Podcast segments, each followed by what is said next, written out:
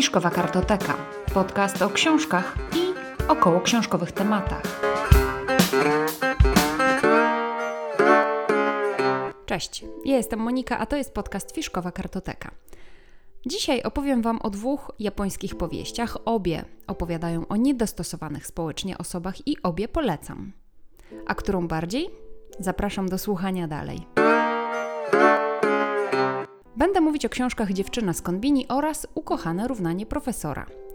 Dziewczyna z Konbini, napisana przez autorkę Sayaka Murata, została wydana w wydawnictwie Uniwersytetu Jagiellońskiego w serii z żurawiem. Tłumaczył tę książkę Dariusz Latoś i została wydana w 2019 roku. Książka, jak wspomniałam, jest wydana w wydawnictwie Uniwersytetu Jagiellońskiego w serii z żurawiem, a zgodnie z informacjami na stronach wydawnictwa, seria z żurawiem to seria dla wielbicieli literatury współczesnej z różnych odległych od siebie krajów świata. Znajdują się w niej tytuły, które odniosły ogromny sukces w kraju pochodzenia bądź zostały wyróżnione najważniejszymi nagrodami literackimi. I ta powieść, Dziewczyna z Konbini, została wyróżniona nagrodą Akutagawy. Nagroda imienia Akutagawy ma w zamierzeniu promować interesujące talenty literackie we wczesnych etapach kariery. A także staje się przepustką do wielkich wydawnictw w Japonii i za granicą. I tak też stało się w przypadku tej powieści. Dziewczyna z Konbini od 2016 roku jest bestsellerem w Japonii, ale też poza jej granicami. Dziewczyna z Kombini to historia 36-letniej kobiety, Keiko, która pracuje i o ile się nie mylę, jest to praca na umowę zlecenie w takim sklepie typu Żabka, niedaleko centrum biznesowego. Pracuje w tym samym miejscu od 18 lat i mimo to lubi swoją pracę, i czuje się w niej na miejscu i czuje się w niej spełniona, lubi do niej chodzić. Natomiast cała reszta społeczeństwa uważa, że to nie jest dla niej najlepsze miejsce, bo w jej wieku wypada już mieć męża, wypada pracować na stałe w jakimś miejscu, a nie na umowę zlecenie, bo warto byłoby mieć trochę lepsze wykształcenie, większe ambicje. I mówiąc o całej reszcie społeczeństwa, mówię zarówno o rodzinie, znajomych, ale i nieznajomych Keiko w ogóle jest niedostosowana społecznie, nie odczuwa emocji tak jak inni, nie rozumie norm społecznych i konieczności dostosowywania się do nich, chociaż zauważa, że dla innych one są ważne, dlatego udaje, że się do nich dostosowuje. Naśladuje sposób mówienia znajomych, sposób ubierania się koleżanek, bo chce wyglądać tak jak one, jak pozostali ale wewnątrz tak naprawdę nie odczuwa takiej potrzeby, żeby być taka jak inni. Ona już od dziecka nie rozumiała tego, że może być komuś by smutno z powodu śmierci jakiegoś zwierzątka. Nie widziała też problemów przemocy fizycznej, chociaż tu muszę też zauważyć, że ona nie jest w żaden sposób agresywna, to wykluczam. Natomiast jeżeli zachodziła taka potrzeba, jeżeli uznała, że to jest pomocne w szybkim zażegnaniu jakiegoś konfliktu, to używała przemocy. I co więcej, nie czuła także potrzeby jedzenia jakichś smacznych rzeczy.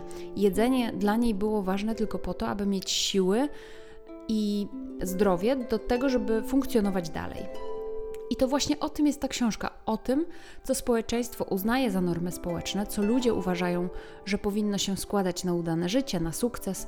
I to jest książka według mnie o normach społecznych, które są uznane i akceptowane przez społeczeństwo i o wszelkich odstępstwach od tych norm, które budzą niechęć ludzi, bo nie wiadomo, jak mają się zachować, o czym mają rozmawiać z tą osobą niedostosowaną społecznie.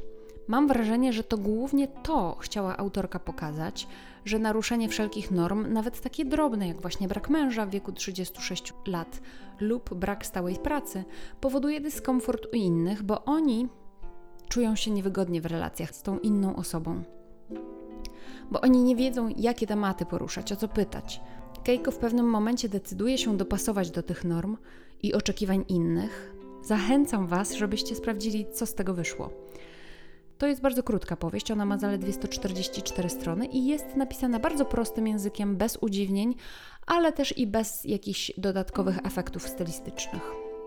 Druga książka, Ukochane równanie profesora, została napisana przez autorkę Yoko Ogawa i została wydana w Polsce przez wydawnictwo Tajfuny, tłumaczenie Anna Horikoshi i została również wydana w 2019 roku. Ta powieść wydana w Japonii w 2003 roku, otrzymała nagrodę Yomiuri, to jest prestiżowa japońska nagroda przyznawana za osiągnięcia na polu tworzenia kultury narodowej. Ukochane równanie profesora zostało wyróżnione także nagrodą Honia Taisho, przyznawaną co roku od 2004 roku przez japoński kolektyw księgarzy. Pracownicy księgarni głosują na ten tytuł, który najchętniej sprzedawali swoim klientom w minionym roku. Zarys fabuły tej książki, Ukochane równanie profesora, jest następujący. Starszy już profesor matematyki w wyniku wypadku stracił pamięć krótkotrwałą i pamięta zaledwie 80 minut. 80 ostatnich minut, które wydarzyły się w jego życiu. Pomaga mu nowa gosposia. Nowa, bo do tej pory zwolnił już kilka poprzednich, albo same się zwolniły, Trudno po prostu pracuje się z człowiekiem, który nie pamięta ciebie z poprzedniego dnia, a w ciągu dnia zajmuje się głównie rozwiązywaniem zadań matematycznych.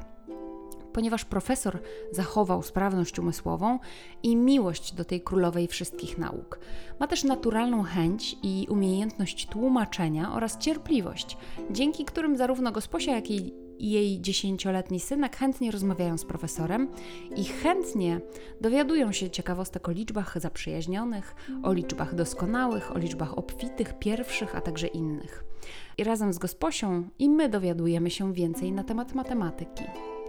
Poza tym wszystkim jest to historia o przyjaźni, o życiu, byciu z osobą, która nie jest dopasowana do społeczeństwa, a jeśli jest ona dla nas ważna, to nie powinno nam to sprawiać żadnego problemu, bo to ona i jej dobre samopoczucie będzie dla nas istotne, a nie to, jak nas widzą i oceniają inni. Ta książka pięknie pokazuje, że do każdego warto podejść bez uprzedzeń, tylko należy otworzyć się na tę drugą osobę, bo to jest jedyny sposób na to, aby po pierwsze naprawdę się poznać z drugą osobą, a po drugie, żeby się z nią zaprzyjaźnić. To też jest powieść o tym, że równania matematyczne mogą być piękne i eleganckie.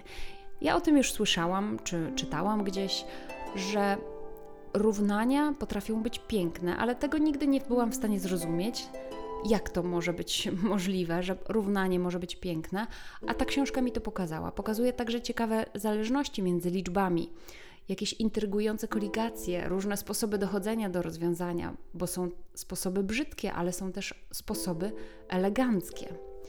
I pod pewnym względem ta książka trochę mi przypominała świat Zofii Josteina Gardnera, ze względu na sposób tłumaczenia, taki przy okazji, mimochodem, ale jednocześnie możemy się dowiedzieć wielu ciekawostek. Tutaj na temat matematyki, a w tamtej książce Świat Zofii na temat filozofii.